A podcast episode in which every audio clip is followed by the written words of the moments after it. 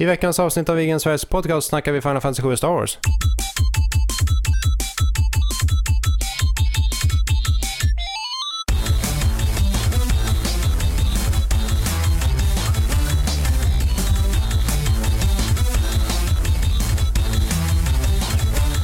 Hej och mycket varmt välkomna ska ni vara till avsnitt 121 av IGN Sveriges podcast. Jag tror du skulle säga avsnitt 121 av 150 möjliga eller någonting sånt där.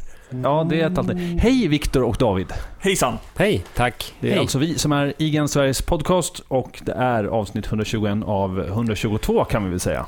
Eh, och hur, hur, hur, hur tänker man när man säger så? Eller det, blir, det funkar inte så heller. Jag tänkte 2015, men vi har ju fan inte spelat in 121 avsnitt i år. Sum, nej, summan av kardemumman är väl i alla fall att det här är det näst sista avsnittet för i år. Ja, Ja, ja Då kan man ju säga det istället. precis. Jättekorkat. men jag gillar att det säkert i alla fall finns någon som, som blir lite när du sa att det skulle vara 122 totalt. Ja, Så lägger Ja, men- ner? Nej, precis. vi lägger inte vi ner. behöver lite mer sådana där... Ja, chockmoment. Ja, precis. Ja, hur står det till med, med er i, i denna, inte alls vinter? Visste ni att det är ungefär lika varmt nu som det var i midsommar? Ja, Ja, ja, ja. Nu, det är nu det händer. det, det har varit många som har anmärkt på det här. Jag vet inte om det säger mer, jag vet inte om det säger mer om, om hur kall eh, midsommar var eller hur varm som vintern nu är. Jag tänker säga kall midsommar, för det var inte varmt riktigt. Jag tänker säga att global uppvärmning är en, eh, en rolig grej.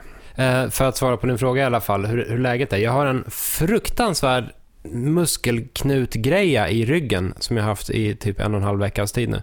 Det är inte alls behagligt. Så det är sådär. Jag sitter och skruvar på mig här. Jag kommer skruva på mig under hela podcasten. Är det för att du har haft för mycket slagsmål på fritiden? Som slagsmål? Ja, eller för lite slagsmål. Körde kastövningar med min sambo som också kör jutsu och kastade henne. Så och sen du fick jag ont i Asik ryggen. Varaj och sen så... Raj, raj, raj, baraj. Ja, så satt den. Jajamän. Då knöt det till sig. Lite så. Fast tre dagar senare. Jag vet hur det känns. Jag går med sånt där typ hela tiden. Det är för att jag har en snedvidring i ryggen. Sne- Snedvidrig rygg. Snedvidrig rygg. Delvidrig rygg. Så att det alltid är så. Du David?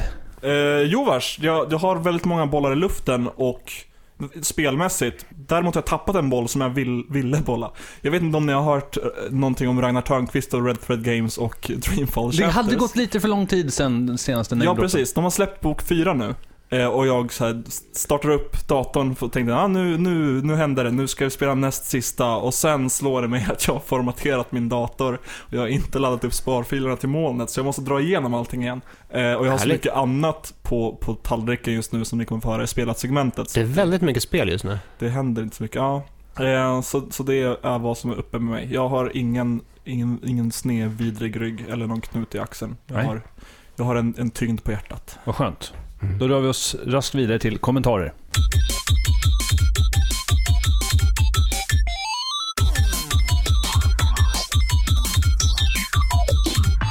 I veckans kommentarer så har vi två stycken kommentarer och det är från, den första kommer från Martin H. Möller som skriver så här.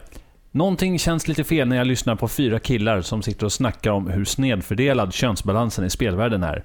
Så mitt förslag är att ni tar in fler kvinnor som gäster. Och nästa gång någon av er trillar av pinn så det finns plats för en svensk speljournalist kanske det rent av kan bli en permanent kvinna i gruppen. Eller så kan ni vara fyra permanenta. Mm. Ja, det här är faktiskt någonting vi har pratat lite grann om att det, blir ganska mycket att vi tar upp, eller till och från. Och kanske, ja, jag gör en, en del i alla fall, att vi tar upp ja, ojämn könsfördelning eller att det, inte, att det är ganska snubbigt. Men sen är vi ändå tre stycken snubbar som sitter och pratar. Som sitter och snubbar. Ja, precis. Vi, vi vill ju Ja. snudda vid sådana här ämnen. Snubba. Ja. Och det handlar, ju- handlar mycket om att, att vi, vi har en, en relativt bra kemi, så det är lite svårt att rubba på den. Och jag tror att om vi, när vi väl tar in gäster så är det ofta lite längre avsnitt och vi vill ju hålla dem runt en timme. Men ja, det, det, är- det är väldigt, väldigt given kritik och det är absolut någonting vi tänker på. Och, Ja. Ja. Skulle jag ryka så är det bara att ta in, ta in en tjej det första ni gör. Ja. Hur kommer du ryka? Eh, Jag brinner förmodligen upp. kommer du, Du spela brinner en Dreamcast? Inte omöjligt. Jag skulle vilja se att jag blir... Jag säger något kontroversiellt eh, och så reagerar hela spelsverige och så tvingas jag gå. Och ni reagerar inte tillräckligt starkt, så ni tvingas också gå. För att ni, ni tar inte ställning först. Vi tvingas inte ta livet av oss själva då? Tvingas skära upp magen? Ja, det Med ett blad. Lite, lite En, brutalt. en seppuku. Det, det, det är ju drömmen på något sätt. Ja, Eh. nej men, men given kritik Martin. Yes. Sen har vi även eh, min kollega Jörgen som har kommenterat lite privat till mig eh, angående succéspel som floppar som vi tog upp i något, avsnitt tillbaka. Att vi hade teoretiskt, vad skulle hända om exempelvis Final Fantasy 7 floppade? Du får flippa en flopp och floppa en flipp. Precis, eh, och då tog Jörgen upp det här och det var att eh, när första Donkey Kong-spelet utvecklades så var det planerat att vara ett Karl Alfred-spel, alltså Popeye som äter spenat och räddar Olivia. Och det här är något man kan se kanske på, på modellerna för Donkey Kong som ser ganska mycket ut som skurken i, i Karl vad han heter då. Ja.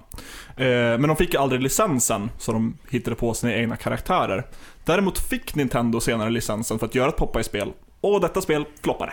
Till skillnad från Donkey Kong. Kan man vända på detta så att Donkey floppar och eh, Karl-Alfred flippar? Ja. Då är vi i och för sig lite inne på samma tema som vi var på förra... eh, Skulle Karl förra- bli nya Ma- Mario? Ja, nej, vi, vi dropp, droppar den floppen.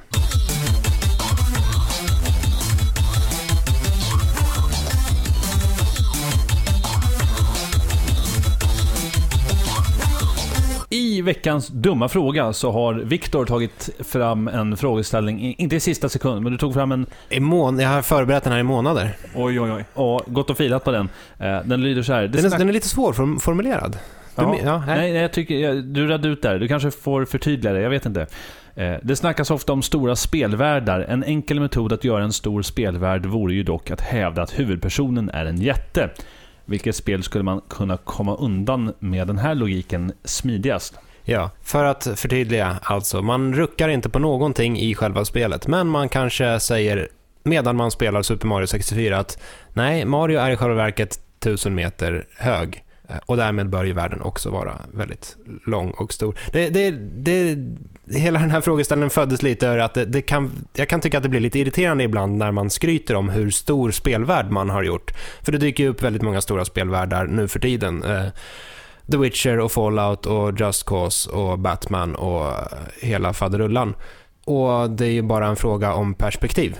Så, Så man leker med tanken att de här kanske är en skala på, ja, motsvarar en bakgård. ja. Så är de inte så stora helt plötsligt. Nej, man kan säga till exempel att Pong är en väldigt, eh, har världens största spelvärld om man eh, förutsätter att, eh, att man bollar en planet Eller en genom, ja, kanske en stjärna, Ja. genom, eh, ja inte, jo, man bollar runt ett solsystem med hjälp av två stycken väldigt stora smiskepinnar.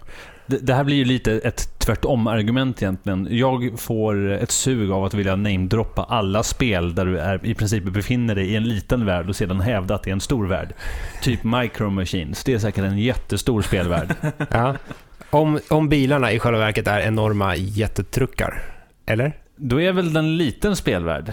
Om bilarna är stora... eh, Ja, men alltså, Nej, just världen, ju- för, för, världen ändrar ju inte storlek. Nej, precis. Eller de, Nej, ändrar, de inte, kanske- de ändrar, inte, ändrar inte förhållandet till varandra. Det här blir, det här blir snurrigt. Vilken dum fråga. Jag tänker, Ja, den är jättedum. jag tänker missuppfatta frågan och så tänker jag påstå, för att jag sitter och spelar nu Final Fantasy 7, på grund av när, när man trillar ner i Aris, äh, Aris ehm, kyrka och landar på blommorna och sen springer man ut därifrån och sätter sig på taket. Ja, visst är det dumt! Ja, det, det är ett ganska stort hus, så springer man ut och sätter sig på taket och taket är typ två gånger så stort som, som Cloud och Aris. Mm. De jättar. ja, proportionerna i Final Fantasy 7 är ju inte jättestabila alla Ja, gånger. det, det är inte verklighetstroget. Bara en av de första grejerna i FF7, eh, största mindfucken någonsin, det är att Barrett går in i Cloud. Vad händer med Barrett? Vad tar han vägen? Så går han ut när han vill skälla på honom, sen går han in i Cloud. Är, Cla- är Cloud en stor spelvärld för Barrett att utforska? Ja, kanske. Men kyrkan var ett, det, är- det är ju det är smart. Det har ju till och med jag tänkt på. Ja. Det är jobbigt. När Cloud är ute på världskartan och står bredvid Midgar, Midgar. då är ju Midgar pisslitet. ja. Ja. Är det en stor spelvärld då, eller en liten spelvärld som Cloud? Och hur tänkte de framförallt med eh, dialogen när man har trillat ner i kyrkan? När, det, när de säger om att det var läskigt. It fell on top of me. Det är en väldigt konstig översättning där. Det låter som att det är kyrkan som kommer fallande och trillar ner rakt på Eris. Men men du som kom på det här, du måste ha haft en tanke. Nej, jag ville mest eh, bolla den med er. Men eh, för, för enkelhetens skull så kan vi ju, kan vi ju ta e- exemplet sen tidigare då. Mario 64 eh, är världens största spelvärld i och med att Mario är en en jätte och Tiny Huge Island blir därmed en helt vansinnigt stor karta. man- Huge Tiny Island. Nej, det inte- blir. Eh, Vad fan. Banorna byter väl inte namn bara för att man eh, Den kanske ändrar måste. På. Jaha, vad tycker du att Bob, Bob Omb Battlefield ska byta namn till då? Eh, men den, har ju, den, sp- anspe, Oddbomb. den, spelar ju, den anspelar ju inte på perspektiv och storlek. Därför irrelevant. Därför får den heta som den gör. Bob-Omb kanske inte är så stor i själva verket.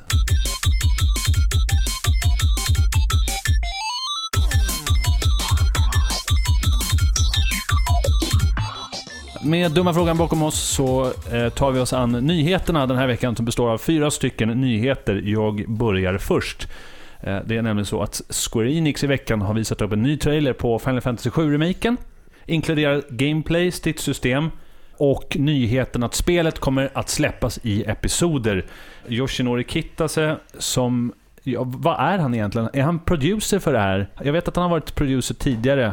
Jag har för mig att han är producent och han är en här riktig gammal Square-räv som Mm. har hängt med hur länge som helst. tror att han producerade X2 i alla fall. Hur som haver, han säger så här. If we took everything that's in the original game and remade it eh, in that quality, we couldn't get it all on a single release. Det, det, ja. Vi kan, kanske kan börja med själva eh, alltså, trailern i sig.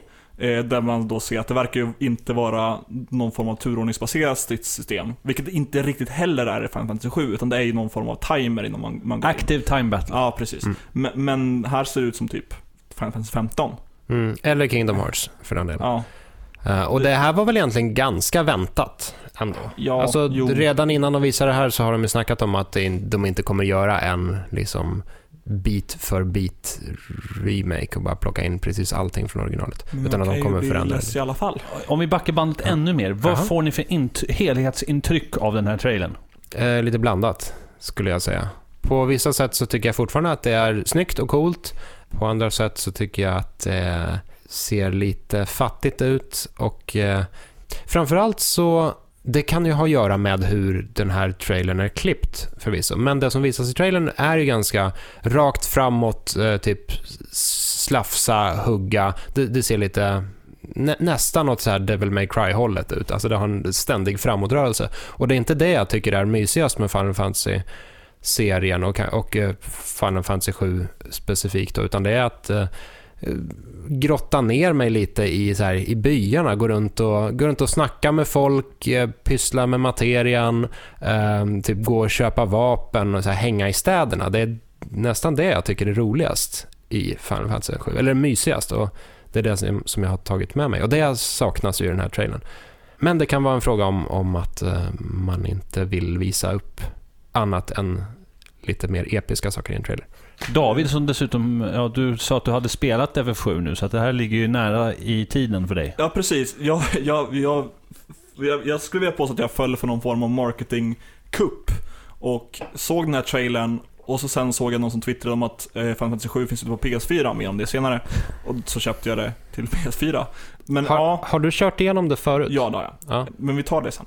Jag vet inte riktigt heller hur jag ska ställa mig till det här. Det, visst att det var väntat med att det inte är turordningsbaserat, men jag tycker ändå att det känns lite, lite småjobbigt.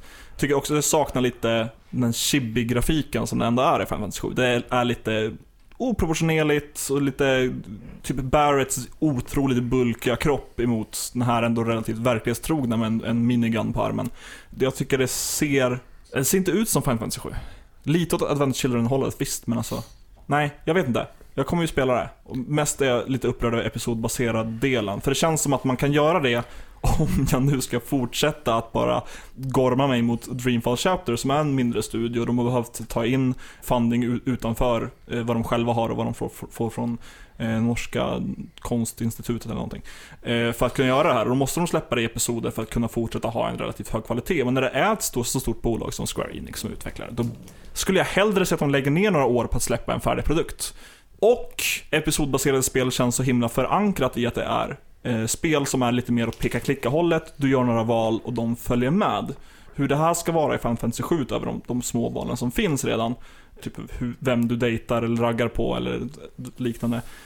Att föra över det med XP och materia och en, en sån form av progress som det är i ett RPG, det känns lite, det känns inte fräscht. Det är mina fem cent. Mm. Ja, eh, om man hänger kvar lite i det här med att eh, spelet ska vara episodbaserat. Där, alltså, I och med att eh, Kitase faktiskt har sagt att så här, vi, vi skulle inte kunna göra det här om vi valde att släppa det i en enda stor release. Då får man väl på något sätt tro honom där. Eh, vem vet hur, hur deras budget för spelet ser Ja, ut? Eller liksom hur, hur stort team de har. Det kanske inte... Alltså, det, det kanske inte är så stort som vi tror. Eh, rent eh, liksom här låter resursmässigt. Eh, Och med det sagt så, alltså jag ser ju hellre att det håller en eh, liksom väldigt hög ja, detaljnivå, hög, hög klass och släpps som episodbaserat än att de drar ner på kvaliteten och släpper det som en färdig bandlad produkt. Så episoddelen är, är inte mitt största problem med den här produkten. Men med det argumentet får man ju utgå då från att de ska försöka vara så trogna originalet som möjligt. Alltså de ska följa väldigt mycket, om de nu antyder att det ska vara ett episodbaserat spel. När jag ser den här trailern, jag gillar ju, jag älskar ju att vara kränkt privilegierad FF-nörd.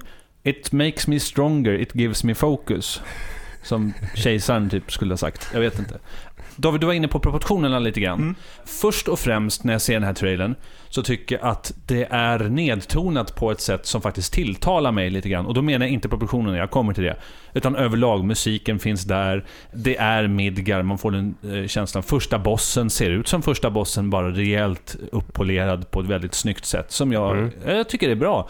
Eh, scenerna verkar ganska trogna originalet där också. Och eh, ska väl sticka in att originalet är, visst man minns det som en helt fantastiskt stor och öppen värld, men originalet är ganska, eh, Trångt. och framförallt linjärt. Ja. Det, det går liksom i en hyfsat rak linje och så kan man göra vissa avvikelser från- det. Men jag tror att det, hela den här eh, progressionen genom storyn kommer att, alltså den, den går att få in i ett eh, episodbaserat eh, koncept. Anyway, det där episodbaserade. Jag, jag får ju upp ett försvar och jag tycker att det här handlar om att exploatera FF7 så mycket som möjligt. Det är det enda sättet jag ser eh, episodbaserade spel. Proportionsmässigt så håller jag med det här att jag tycker att det är ett problem när jag ser Barrett stå där med... De har lagt till att han har solglasögon, han är cool kille mitt i natten. Han- ser väldigt normal ut. Väldigt verklighetstrogen om man bortser från att han har en stor jävla metallarm. Det är inte samma gamla proportioner som, som var så charmigt för det japanska rollspelet som vi kom att älska. Och jag tror att det här kommer Och då- och då slå tillbaka lite grann på spelet. Ja, och då snackar du alltså, i, eller vilka proportioner snackar du om? Snackar du om eh, proportionerna när man springer runt på kartan och har liksom klosshänder eller pratar om stridspolygonmodellerna eh, Alltså, när de är lite mer verklighetstrogna i originalet? Om du jämför Barrett med Cloud, eh, oavsett proportionsmässigt, så kommer du se att han är betydligt större och Mm. bredare eh, I originalet. i originalet. Ja. Oavsett vilka de tre eh, format de pendlar mellan i originalet. Om det är Mm. strid, om det är CGI eller om det är eh, de kantiga polygonkropparna. Mm. Ja. Det är lite synd, för att det tar bort... Det, jag hade den här diskussionen med en god kompis. Han får ta credit för att eh, han fick mig inse det här. Men just eh, Henrik heter han jämförde det här med, med silhuettprincipen. Eh, det vill säga att man kan identifiera karaktärer beroende på silhuett. Ja, Just det, att det, sticka ut. det snackar väl alla karaktärsdesigner om varje gång de, man ser någon sån här behind the scenes set. Man ska kunna ident- identifiera hela casten på, Ja, enbart på och- silhuetterna. Med åren så har väl i alla fall jag kommit att tycka att, att Nomura som var med, Tetsuya Nomura som var med och designade eh, FF7 och stod för karaktärsdesignen, i grund och botten är en ganska dålig karaktärsdesigner. Det har kommit handla mindre och mindre om att skapa unikum, utan mer vara en någon form av outlet för att han ska hitta Åh, nu ska jag designa coola kläder. eller, Åh, nu ska jag skapa den här frisyren. Det finns Just, just, inget Final Fantasy, unikt. ja, just Final Fantasy 7 är väl bland hans bättre verk dock. Definitivt. Definitivt. För det är att- första gången som man är karaktärsdesigner också. Mm. Unik. Mm. Nu, kom, nu har jag inte den färskt i minne, men Advent Children, alltså filmen, hade väl lite annat utseende på, på karaktärerna jämfört med den här nya remaken. Alltså nu har vi, nu har vi plötsligt tre olika utseenden. Om, om man klumpar ihop originalet tre till ett. Nej, det här blir Ja, eh, om man jämför Advent Children med FF7-remaken Ja, så två... är ju Advent Children bedrövligt. Den är ju inte dugg lik karaktärerna överhuvudtaget. Här har man i alla fall försökt lite grann behålla original-outfitsen. Samtidigt, jag, på, på sätt och vis kan jag... Det kanske är det att jag har vant mig vid Advent Children-utseendet nu, men jag tycker att Cloud ser konstigare ut i den här remaken än vad han gjorde i Advent Children. Men det är också ett problem i det här spelet, till exempel bara att få till Clouds frisyr. Där befinner sig verkligen någon form av Uncanny Valley, därför att först vill han få det att se så verklighetstroget ut som möjligt med hans hår, vilket är en omöjlighet, för hans spikhår fungerar inte Ja, det, rent praktiskt. Nej men det ser bedrövligt ut. nej, inte, inte praktiskt, men eh, det är ju ett mode. Ja, men det ser bedrövligt ut och så mycket gelé kan han inte få in i håret för att det ska stå sådär. Då är det mycket Ska- bättre att bara hålla det som Lite original. under då. Jag vill Kanske, bara bjuda in Yohio till den här podcasten och fråga honom hur man fixar Cloud-frisyren, så kan vi alla sitta här och se ut som Chocobos i håret. Ja. Fast kan du verkligen det Viktor? Nej, kanske inte jag, men i skägget. skägget. Ja.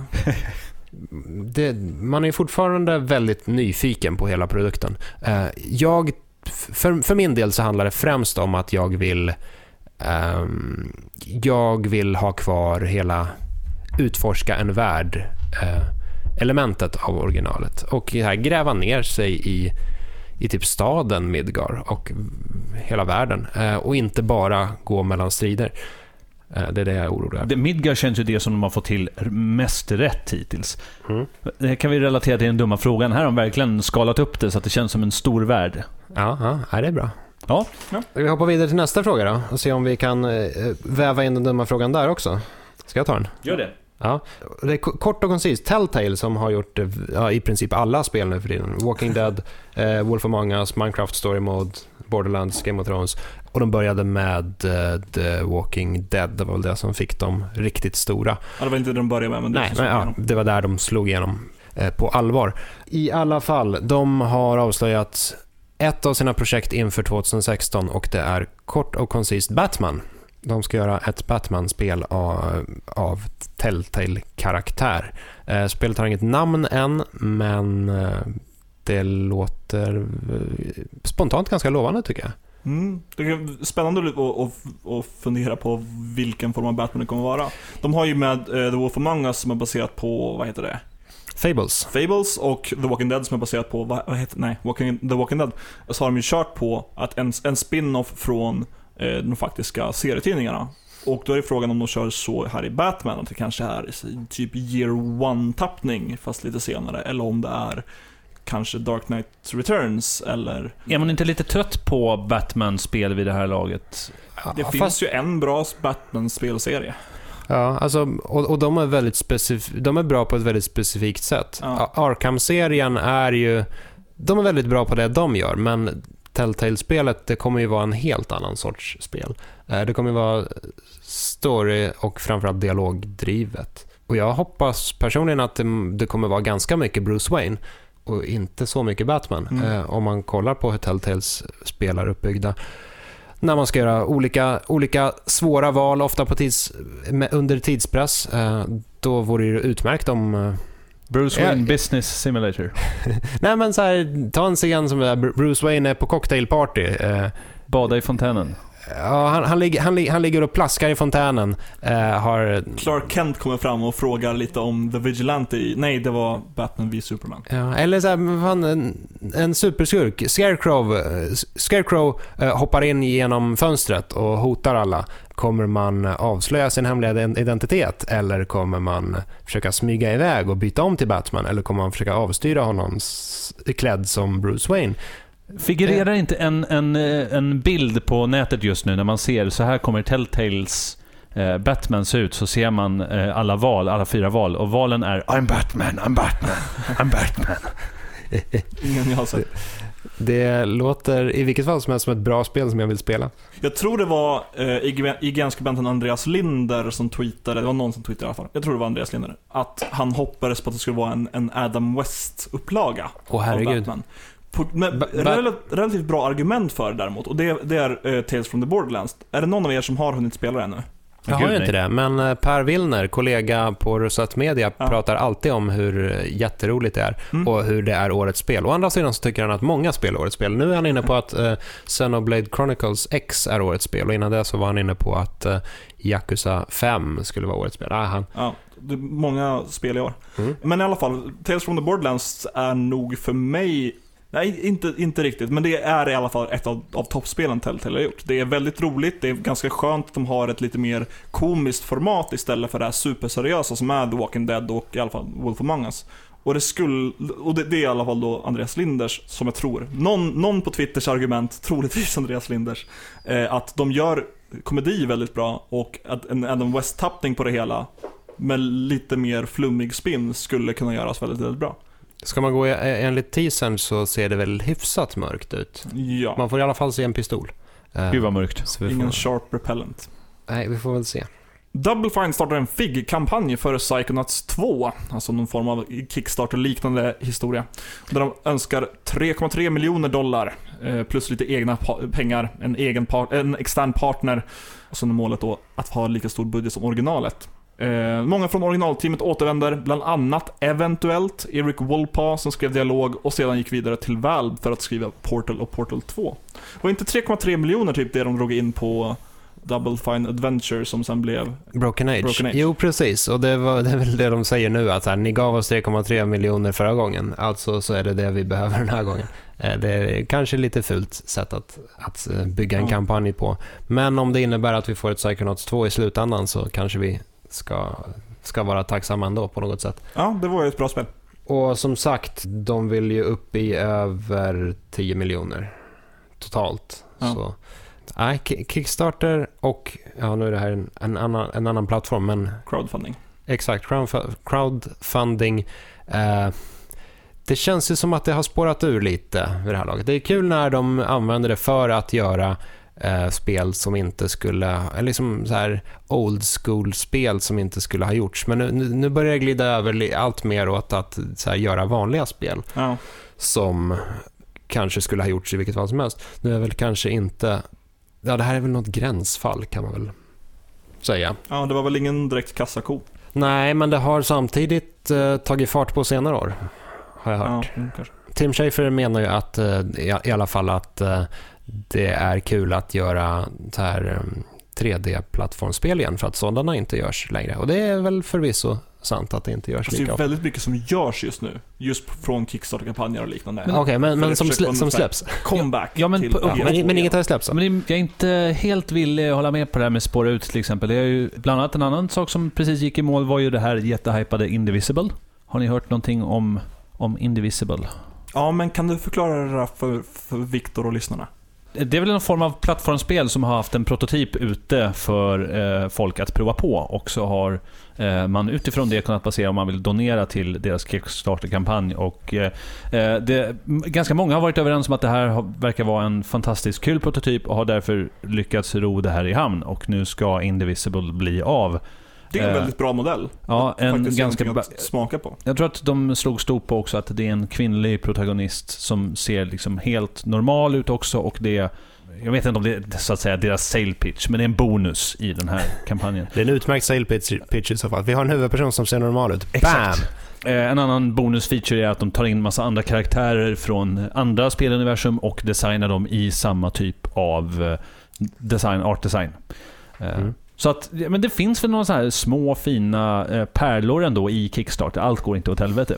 Eh, I alla fall, eh, spelet i sig kommer inte släppas förrän 2018. Så det donerar man nu och väljer att donera så mycket att man köper spelet så får man vänta ett tag på att det kommer fram. Mm. Sista nyheten då, en kort sådan och det är att eh, HTC skjuter på sitt VR-visir Vive till april 2016. Alltså ingen rolig jul och inget eh, VR-visir. eh, Ingen VR-jul. ingen VR-jul det här året. Nej, men det är... Du synd, för du har ju pratat varmt om just eh, HTC. Ja, den, eh, den, är, den är bra. Eh, Men å andra sidan så är, Playstation VR också väldigt bra. Och eh, Oculus har uppdaterats otroligt mycket sen den ver- versionen som gick att beställa och som är den versionen vi har här på kontoret. Jag, jag tror att VR, VR, kommer bli kul i vilket fall som helst och det gör mig inte jättemycket att den inte släpps nu. Om, om ändå allt annat ska släppas 2016 så släpp allting i en klump och låt dem sporra varandra. Så blir det fint. Kan vi redan nu förutspå att eh, VR-visiret blir 2016 års eh, julklapp? Och 2015 års julklapp är Roomba, va? Robotdammsugaren. Just det. Ja, har du köpt den?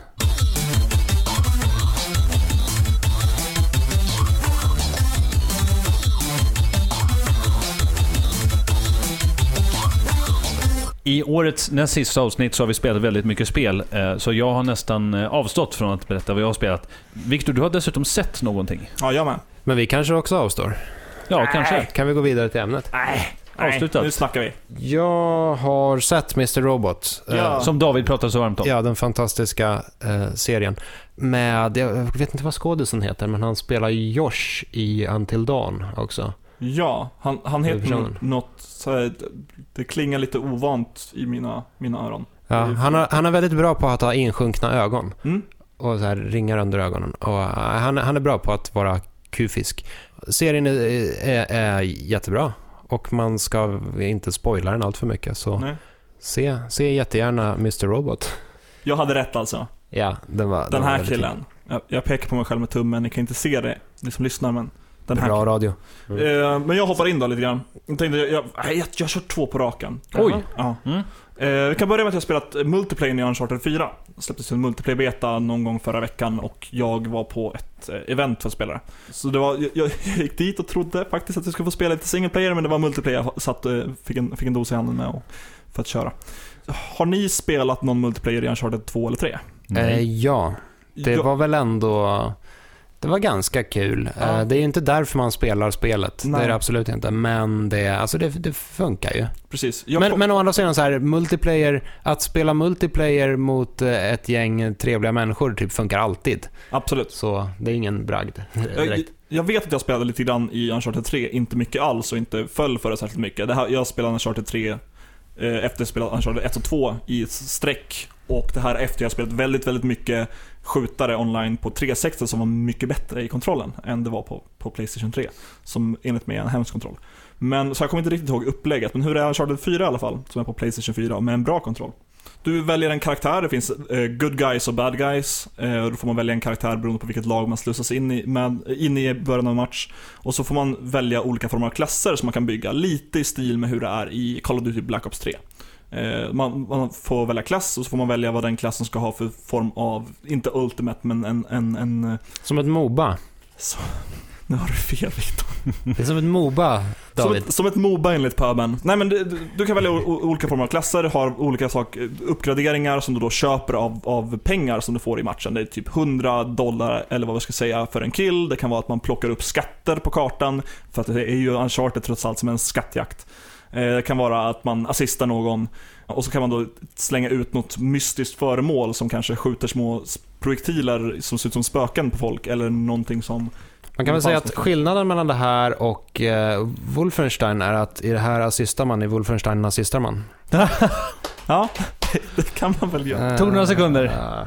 Ja, nej men eh, jag kan stolt er, eller erkänna, jag kan stolt berätta det att jag representerade IGN Sverige väldigt, väldigt bra. De, de matcher jag var med i så vann vi de flesta och jag var nästan alltid på topp. Den, den här killen, Ja. det ser inte ni som lyssnar David pekar på Ja, sig själv med precis. tummen. Väldigt street. Den här. Ja, det är väldigt gangsta. Eh, är det inte så att allting har kukat ur också? Att man så här kastar magier på varandra och så här Jo, sammanar totempålar och... Ja, det var lite blir det jag helt- försökte komma in på men inte riktigt kun- kunde berätta. Men man- man har lite mystiska föremål man kan använda som man då köper för en viss mängd pengar, som då kostar lite mer nästa. Eh, som kan vara som en, en mystisk totem exempelvis, som, Ja. som skjuter och pangar saker. Eller att man kan eh, kalla in understöd från en eh, eh, heavy-soldat som då är en NPC som går runt och skjuter. Eller kanske en sniper som man placerar någonstans som kommer skjuta på allting som går framför en. Och varje gång du använder en sån här uh, ability eller köper ett vapen eller en extra granat så kommer det kosta lite, lite mer. Så man har en viss mängd man kan rimligt ha råd med under en runda. Så det blir någon form av skalbarhet och lite åt det jämna hållet så att du som har lite fler kills kommer ha, ha svårare att köpa en, en RPG, alltså en raket, rocket launcher, än någon som har lite färre kills. De, det kommer kosta mindre. Så det känns relativt balanserat. Ganska kul skjutning faktiskt. Det, ja, det var kul. Jag tror inte jag kommer spela mycket multiplayer när jag väl spelar Uncharted. Jag kommer dra igenom kampanjen och, Mm. sen prata om det här. Jo, så kommer det vara. Kampanjen som även har eh, dialogval nu för tiden. Oj, oj, oj. Danta. Det är lite som ett Moba. Eh, kan, Vilket då undrar jag jag, kan, Jag, jag vet inte, jag har inte spelat några Moba. jag kan fortsätta på spåret med dialogval. Eh, och det är att jag spelat Fallout 4. Eh, Det har jag också. Har Har du? ni spelat? Jajamän, fast Ja. inte jättemycket. Men kanske, säg 3-4 timmar. Lite Ja. tvåa på bollen, men Eller det var fem. tid att vi Timmar, pratade om säg det i fem. alla fall. Ja, precis. Men eh, vi har inte spelat det sen det släpptes. Men nu, nu har jag och Viktor gjort det tydligen. Jag har spelat ungefär 10 timmar. Jag har inte spelat mycket huvudstory alls, men det är inte heller det man gör i ett Bethesda-spel. Ja, jag har börjat bygga upp en liten stad, men inte kommit till Diamond City. Ja, jag har precis kommit till Diamond City, men mest åker tillbaka och bygger på en egen stad. Och Diamond City är vadå för något? Det är väl den stora hubbstaden där det mesta finns. Byggde i en gammal eh, arena va? Baseballarena. Eh, Eh, belägrat i Boston, man går in i ett volt i början av spelet. Som man så ofta gör i Fallout-spel. Eller vaknar upp i ett volt kanske. Det här är ju ett, ett Det är ju rela- relativt intressant för den som inte har koll på bakgrundshistorien i Fallout. Att någonting bak i tiden, det blir kärnvapenkrig, alla går ner i valts och sen så kommer man oftast ut ur ett valt i början av ett spel. Och alla valts är ju någon form av socialt experiment från Valtech som har byggt dem. Det kan vara att det är ett valt med en, en kvinna och 999 män, eller det kan vara att man stoppar in någon, någon folk i en virtuell verklighet. Eller som i fallet Valt 111, som man själv går ner i i Fallout 4, så blir man nerfryst och vaknar upp. Så man är en av få personer i världen som har sett eh, domedagen och lever nu 200 år senare. Men det, fan, det där är ju lite läskigt. Voltech, Mm. jag som inte har spelat, jag blir Ja. genast nyfiken. Så samtidigt som de håller på och, ja nu ska vi rädda mänskligheten.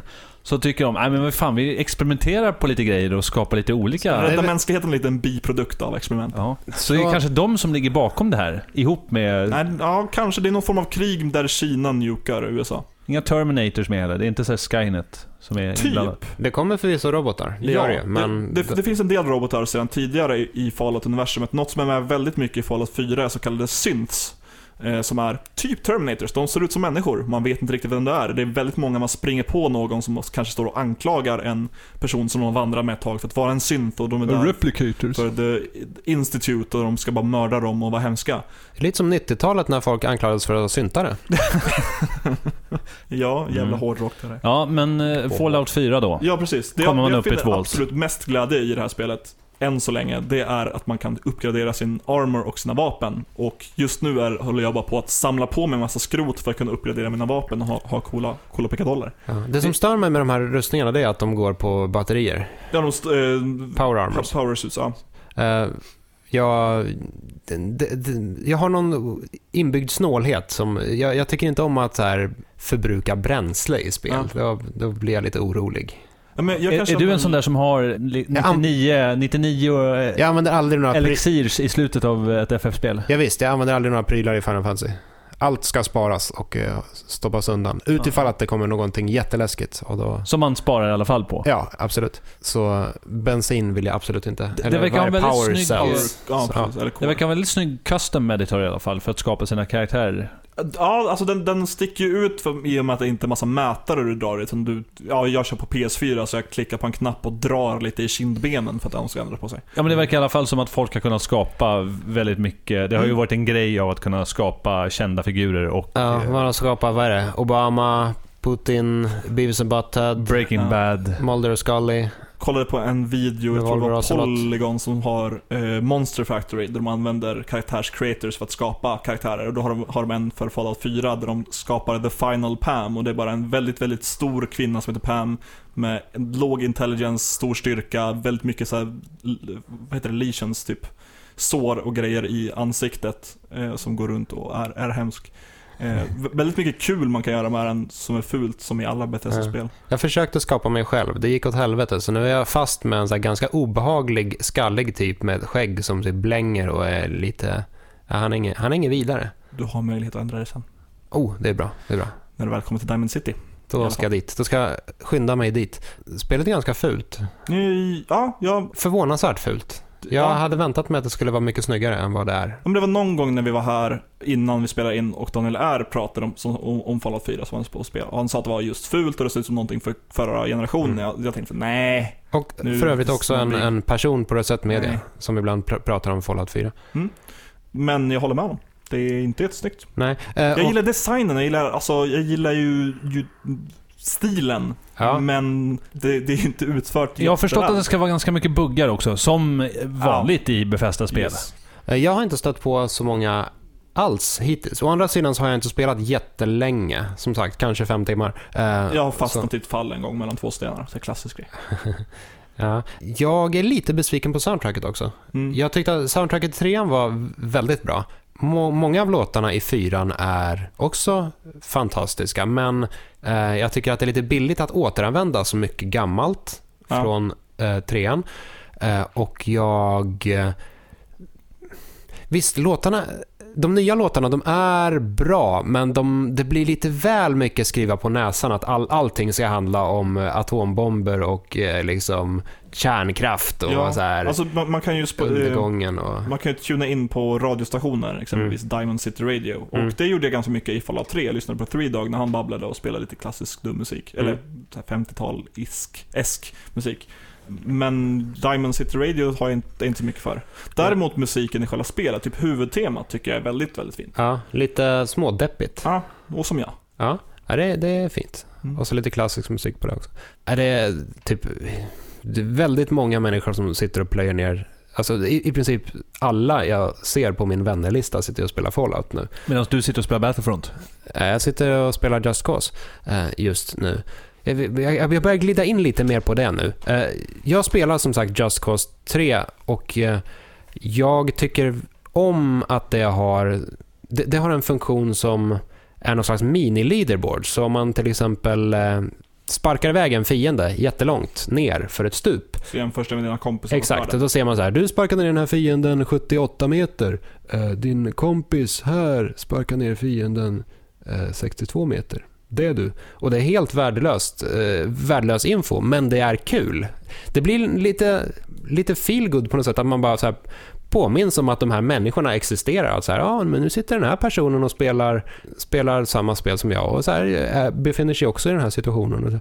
Och, det, som när man ser vad folk har dött i Mario Maker. Ja, lite åt det hållet. Och det, det här, jag, jag skulle vilja att Fallout hade någon, något sånt här också, men det verkar inte ha alls. Samma sak med Batman för den delen, eh, Arkham Knight. Det Ja, hade ju väldigt... topplistor. Ja, eh, och jag, jag gillar det. Det ger bara ett, ett extra lager av att så här, ska du köra ett race, då kan du lika gärna se hur snabbt alla dina kompisar som har spelet gjorde samma race. Så Ja. får man en liten extra eh, utmaning. Blir man inte lika förbannad på Riddler. Nej, precis. Eh, och nu kanske det inte finns något bra sätt att få in det i Fallout-världen på.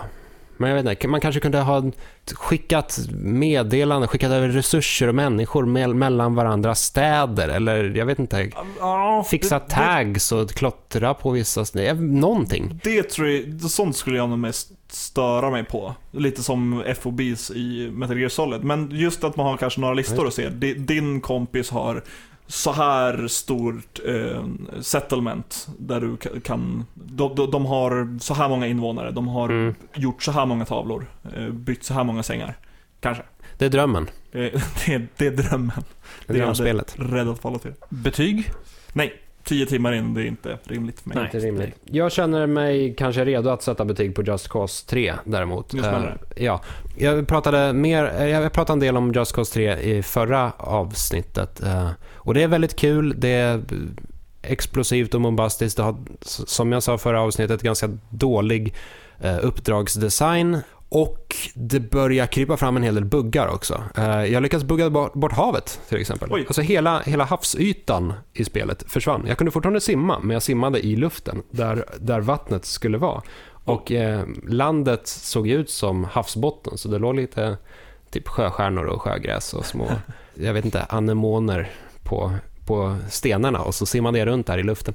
Och det, det har jättelånga laddningstider. Alltså verkligen så här anmärkningsvärt långa laddningstider. Har, har den någon filler under laddningstiden eller är det verkligen bara att sitta och vänta på att Nej, man, man, får se, man får se spektakulära screenshots på hur Rico Rodriguez eh, typ hoppar undan från explosioner och liknande. Men det är snygga explosioner. Det är väldigt snygga explosioner. Fruktansvärt snygga explosioner. Eh, men som sagt, det känns, eh, det känns som att det här spelet behöver patchas eh, rätt rejält. Betyg kanske är en, en stark 8, svag 9.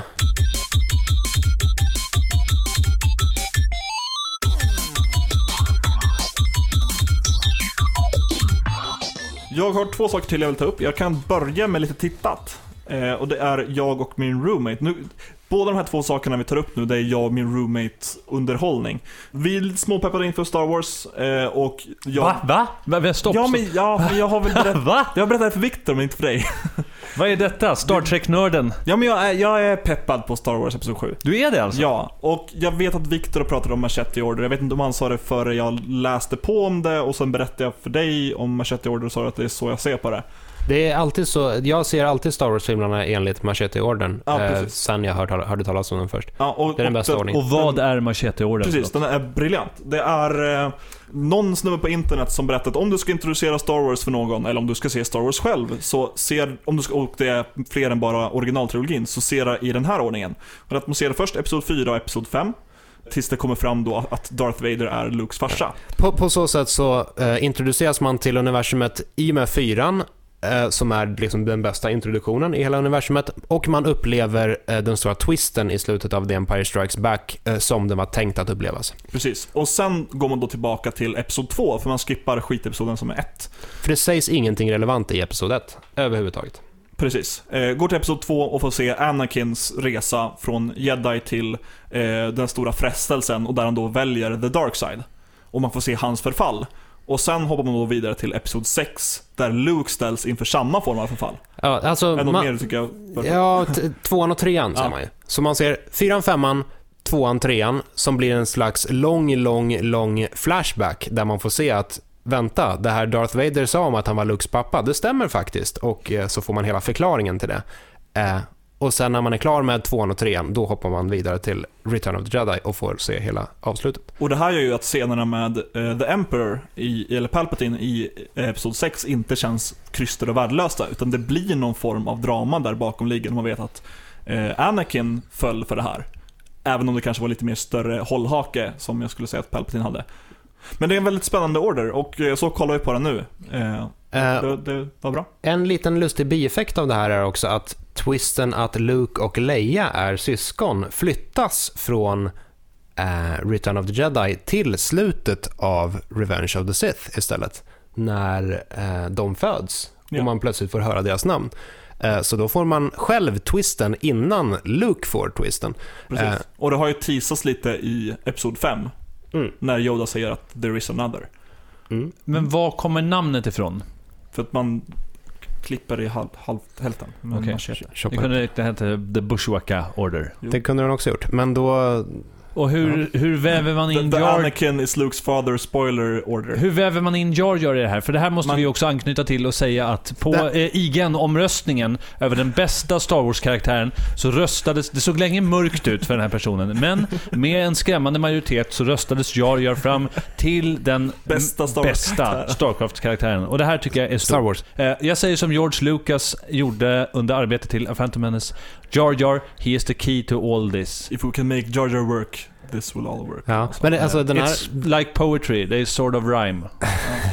Den här, den här ordningen gör ju faktiskt att Jar Jar blir en bättre karaktär också i och med att det mesta av dumheterna han gör, gör han i ettan. När han typ går runt och trampar i bajs och, typ, ja, och slickar på robotar och så här välter prylar och håller på. Eh, och allt det skalas bort. Och han är ändå hyfsat eh, sansad i tvåan och trean. Han pratar lite jobbigt, men det gör ju Ja. hälften av alla andra. utomlands. Precis, så han, han sticker inte ut speciellt mycket ur mängden längre. Eh, och som sagt, allting som sägs i ettan är ändå eh, irrelevant för, den, för sagan i Precis. stort. Och midichlorians nämns en gång. Det, det som är lite konstigt är att när man hoppar tillbaka från fy, fyran och femman till tvåan och trean, då känns det lite märkligt när man i tvåan får reda på att det har skapats någon stor eh, klonarmé av någon, eh, vad heter han, Sifo-Dyas. Och hela det, den där tråden, den känns lite ouppklarad.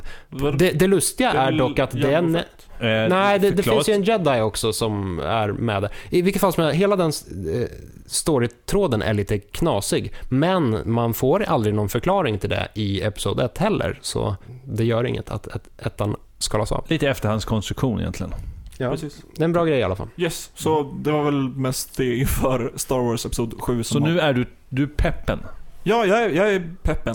Som jag har sagt så många gånger förut så har ju JJ Abrams redan gjort två bra Star Wars-filmer. Ja, och- Inte fan var det Star Trek. Ja, och precis. Och det ser du fram emot. Ja. Right. Slutligen, om vi inte vill prata mer Star Wars. Nej, det vill vi inte. Nej. Det är ju då att, att jag och min roommate spelar Final Fantasy 7. Eh, och det är PC-portningen som har portats till PS4 och går att köpa där. Och håller på att köra igenom nu. Jag har precis jag har pr- precis kommit till delen när man ska gå in hos Don någonting utklädd till kvinna. Corneo. Ja, precis. Kvinna och man blir nedkastad i kloakerna. Det är ett fascinerande segment ur eh, speldesignperspektiv, för det finns väldigt mycket variabler i hela det segmentet. Det är egentligen sjukt hur mycket de har kastat in för att påverka eh, utgången Ja, precis. Han ska välja, välja, välja en av tre fruar. Precis. Men vad är det baserat på? För att jag tog den bästa klänningen som Cloud. Ja, men man, man ska väl ha det bästa av typ i princip allt? Är det inte det? Eh, Man ska ha klänning, man ska ha peruk, man ska... Det finns, finns ett bakomliggande typ poängsystem va? Det, det finns ett bakomliggande poängsystem för säkert fem olika faktorer tror jag. Allt från wig, klänning, ja klänningens eh, tyg, det, ja, det är en del av eh, segmentet. Mm. Hur många squats du klarar av att göra i Ja, det är också Ah. wig. Vad du gör inuti Honeybee In. Vad du äter för mat på, på restaurangen. Okej. Etc, etc. Och allt detta för att man ska bli vald av Don. Och om man blir det så blir man nedkastad i kloaken. Blir man inte det så blir man nedkastad i kloaken. Och där befinner du dig just nu. Jag befinner mig i kloaken. Och hur är det att spela det här på PS4? Det känns, ja, jag, för, första gången jag spelade igenom det så var det på PS1. Eh, jag tog med mig min PS1 till en kompis och hon hade Final Fantasy 7 och vi spelade. Det som är så otroligt skönt med den här portningen är att jag med ett knapptryck kan speeda upp allting gånger tre. Så alla random encounters, så bara att köra det och pressa X så är man klar med det relativt snabbt. Man slipper det här otroligt eh, tjatiga. Det blir fortfarande tjatigt men inte på samma sätt. Och man kan snabbt komma förbi Det det. är väldigt lätt att powerlevla. Ja, precis. Och, och slippa fluffet som är alla random encounters när man bara vill komma vidare. Eh, och det, det är väldigt skönt. Men Just- håll med om att det här... Oh, förlåt. Ja, nej. Håll med om att det här har eh, åldrats ändå ganska bra. Jag tycker jag introducerade FF7 för en person. Jag hade ett argument, jag tror att jag har dragit det här i podden förut. Där vi pratade om att eh, han tyckte att inte, han är ganska ung. Eh, det finns ingen anledning att spela gamla spel överhuvudtaget för att eh, tekniken där är ändå underlägsen det den är en dag. Mm. Okej, men då kan väl du pröva att spela FF7 så kan jag motbevisa dig om hur fel du har. Och han spelade FF7 och sa att det här är ett fantastiskt spel. Uppspeedningsfunktionen låter lite som att spela ett rollspel på en emulator. Och hålla Man- space. Ja, eller motsvarande. Ja. Ja, li- lite så. Men, men det, är, byggt- det är vä- välkommet. I- Ja. Så, alltså det, det, det är väl det mest daterade i Final Fantasy 7. Ja. Jag spelade första gången 2009. Och det är ju relativt nyligen ändå. Och då, även då tyckte jag det var skitbra. Det, Mm. det jag störde mig mest på var den Tower Defense-delen. Så jag har förstått att man kan ta sig förbi om man bara placerar alla karaktärer längst nere. Är det inte så att eh, PC-versionen, att man kunde ställa in sin level där? Också? Kanske, inget jag har hittat. Via någon här. meny. Då pratade du om den första PC-versionen som släpptes typ 97, 98. Nej jag, tror, nej, jag tror att den, and, alltså den senaste Steam-versionen? Ja, Okej, Steam-versionen. den har jag spelat och jag känner inte till att man kan ställa in level. Nej, då hittar jag på detta. Däremot så har de ju ett achievement-system som de dessutom har expanderat i eh, Playstation 4-versionen. Bidrar det med någonting eller är det mest ett... Jag eh, skrockade lite efter första fighten när jag fick eh, Complete one fight. First Blood. Men nej. ja, det är på den nivån. Nej. Man får ingenting. nej. Man vinner inte Sephiroth om man klarar av alla achievements. Jo men han är spelbar karaktär i det här spelet. Nej, shit. Där fick du, där hajade jag till där för ett ögonblick. Det är ett gammalt Game Shark-fusk för övrigt, för den som hade Playstation Ja. på den gamla goda tiden. Nej, men det, det är kul. Sitter och spelar med min roommate typ en timme per kväll, eller kanske två. Eh, mest jag som spelar, han sitter och ställer frågor och, och inte förstår. Han vill ha mycket logik bakom dumma sidospår som det inte finns logik bakom. Men vad, Sidospår. ja, men, ty, typ som nu när vi skulle klä ut oss till, till en tjej för att komma in hos Don. Jaha. Att, men varför, hur var, vad han sa? Jag ska inte fejka hans skånska brytning, men eh, varför, varför fick vi en peruk av honom? Varför ska vi göra squats för att få en peruk? Varför behövde vi, använd din medicin på, eller använde din potion på personen som spyr i toaletten? Nej, man måste ha ett key item. Varför kan man, ja, mycket sånt här som man inte riktigt greppar fluffet kring. Men vad fan, om det är en person som har en peruk och som man vill ha peruken av och personen säger gör squats, då gör man squats. Ja, Det är väl inget att bråka om. nej, Personen med peruken sätter reglerna.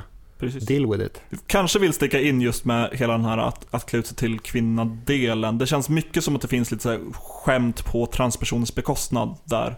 Visst det var 97 och visst det är Japan, men det är, här, jag hopp, det är någonting jag hoppas på remaken, att de inte riktigt har med på samma sätt. Det här stora gymmet med buffliga män som tränar för att bli big bro och vara kvinna, typ.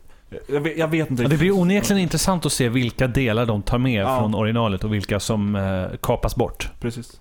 Så det om det. Mm. Jag vet inte om det är värt att betygsätta ett spel som är väldigt, väldigt gammalt. Jo för fan, 13 och 13. 11 av 13.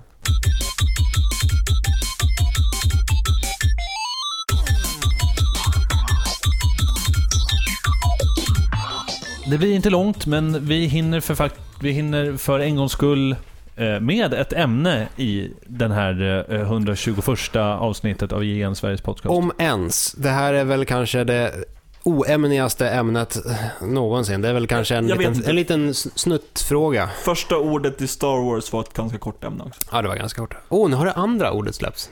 Nej, vad är det? Is. Nej, vad är det nu igen? This will, tror jag. Men vad då är det här i öppningstexten eller Nej, är det, det dialog? Tala dialog. This will change everything. Ja. Ja, nu råkade vi spoila The Force Awakens för alla som skulle se den. Ah, ja, det kommer en åtta också. Ja, men vad Vi har ett- prata om. Ja, vi har ett ämne och eh, ett ganska enkelt sådant, nämligen jag läser till. Vad spelar du tillsammans med dina vänner? Och det är det här frågan, är det offline eller online? Det beror på om dina vänner är offline eller online. Viktor, du hade väl något så här eh, spelsällskap? Ja, spel, spel onsdag, tisdag. Fast nu nästan en vecka blir det nog spel onsdag, tisdag, måndag. Eh, vi började med eh, spelonsdag, vi träffades på onsdagar och spelade spel. Eh, men sen kunde vi inte på onsdagar längre, då började vi spela på tisdagar och blev spel onsdag, tisdag. Och sen nu nästa vecka så ska vi ha någon form av julbord med jobbet.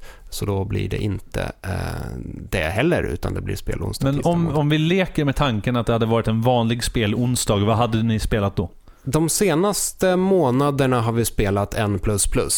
Ninja-spel till Playstation 4 som man kan vara fyra samtidigt på, tvådimensionellt och väldigt kul.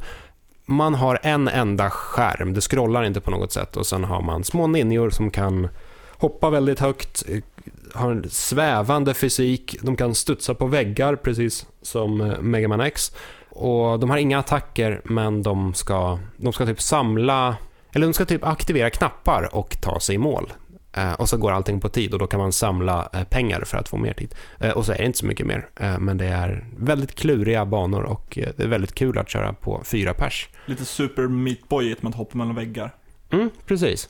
Fast lite... Tvärtom. Kanske. Att det är Super Meat Boy som är en plus ett. Ja, när kom Super Meat Boy? 2006 kanske? Nej, nej, jag vågar inte gissa.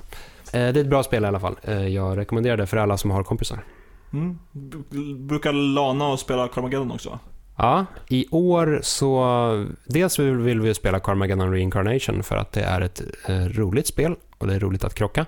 Eh, sen är jag väldigt sugen på... Vad heter det, det heter nu igen? Oh, eh, Dota 2. Dota 1. Åh, nu står det still. Eh, Det här eh, racingspelet som ser ut som F-Zero GX som kommer till Wii U som man kan splitscreena på fyra pers just ja. och som eh, är färgbaserat så att man kan hoppa mellan typ blå och orange. Wacky Racers. Super eh, Fast Fast Racing Neo, heter det så? Ringer en klocka. Jag. Ja, jag, får, jag får återkomma med, i, i alla fall, det ser väldigt lovande ut och man kan splitscreena det på fyra pers. Och vi har eh, historiskt sett varit bisarrt besatta av F-Zero X. F-Zero X är förmodligen spelet jag har spelat mest av alla spel eh, någonsin. Och vi, vi är ju vi är deprimerade över faktumet att Nintendo inte gör fler F-Zero-spel. Så då får man ta det näst bästa och då blir det en, en F-Zero-kopia. Det ska vi spela i vinter. Jag har redan berättat vad Viktor helst spelar online. Nej, eh, men Dota 2 är ju min go-to med kompisar. De som spelar Dota i alla fall. Det är vad jag gärna spelar med dem. Annars är det ju som jag också nämnde, Final Fantasy 7, just nu med min roomie. Att sitta och backsitta det och bara köra igenom. Om det är typ en fest eller liknande, eller man flera hemma hos en, så är det väl typ Towerfall. Väldigt kul. Att spela fyra personer, skjuta pilar på varandra. Nidhogg, kör ni det någonting? Eh, Det har jag spelat någon gång hemma hos någon på, på en fest. Det är väldigt kul också. Ja, det är, det är väldigt roligt för att det är så otroligt enkelt att greppa. Det är Ja. verkligen ett, ett bra festspel. Man ska springa till höger eller så ska man springa till vänster och så ska man fäkta ner motståndaren. Och gör man inte tillräckligt snabbt så kommer en Midgar-ormen, eller vad heter han? För nej, Äh, det är draken Nidhogg helt enkelt. draken Nidhogg. Som kommer och äter upp en så att det låter som knäckebröd. Mycket bra. Ja. Just nu så spelar jag ett spel som heter Castle Crashers och ehm, eh, ska spela Zombie Vikings med kompisar. Eh, jag vill bara snabbt säga den absolut bästa spelupplevelsen jag haft med kompisar, som en form av eh, eh, ett festspel, var Raving Rabbids till Wii. Det var min första Wii-upplevelse och bara det här formatet av små korta minispel i form av en eh, större tävling var Mm. eh, så förbannat roligt att jag vill få tag på det här spelet igen och få Ja. spela igenom det. Själva modellen i sig är, Mario Party. bra. Ja, precis. Det är Eh, Sonic kalas, kalaskul. Men jag, jag har alltid stört mig på de här jävla kaninerna. Va? Ja, Jag, tyck, jag tycker inte att de är roliga. det- överhuvudtaget. Samma anledning som jag hatar Minions. Det är en väldigt... Ja, det är ja väldigt alltså det, de, är ju, de är ju typ som Minions fast vita. Ja, jag, jag, snarare tycker, Minions, jag tycker de är Ja, helt okej. exakt. Jag tycker framförallt det är en väldigt underlig... Att man tar... Det är väl också då som man hade adopterat Rayman och... Nu ska vi ta den här karaktären och så ska vi lägga till skrikande kaniner. Mm. Det är en bra idé. Ja, är det bisarrt? Besynnerligt. Men det spelet eh, gillar du i alla fall. Eh, definitivt. Men som sagt, Castle Crashers, det är tyvärr ett sånt där spel där man... Klassiskt scenario av eh, du tog pizzan. Vet Mm. du vad jag pratar om? Turtles in time. Precis, där fyra personer jobbar mot samma mål men ändå på ett sätt konkurrerar om allt från loot och eh, Mm. experience. Vilket är... Det, det är ju ganska likt Turtles in time också. Alltså det är så här la, lagom färgglatt, lagom humoristiskt, eh, slå på käften-spel. Kasta folk överallt. Ja, Eh, det är väldigt tacksamt och väldigt kul att spöa eh, bossar tillsammans, men det lider lite av problemet att... det är väldigt mycket roligare än Turtles in time reshelled. Det Ja, var ja definitivt. horribelt. Definitivt. Men ja, som sagt jag ska prova Zombie Vikings och det ser jag fram emot. Ja, men du har inte börjat med det än. Nej. Då kanske vi kan se fram emot det nästa avsnitt eller kanske nästa år. Yes. Men du kära lyssnare, vad har du för favoritspel att spela med kompisarna? Lämna gärna det i form av en kommentar på det här avsnittet som du kan hitta i inläggsform på se.ign.com.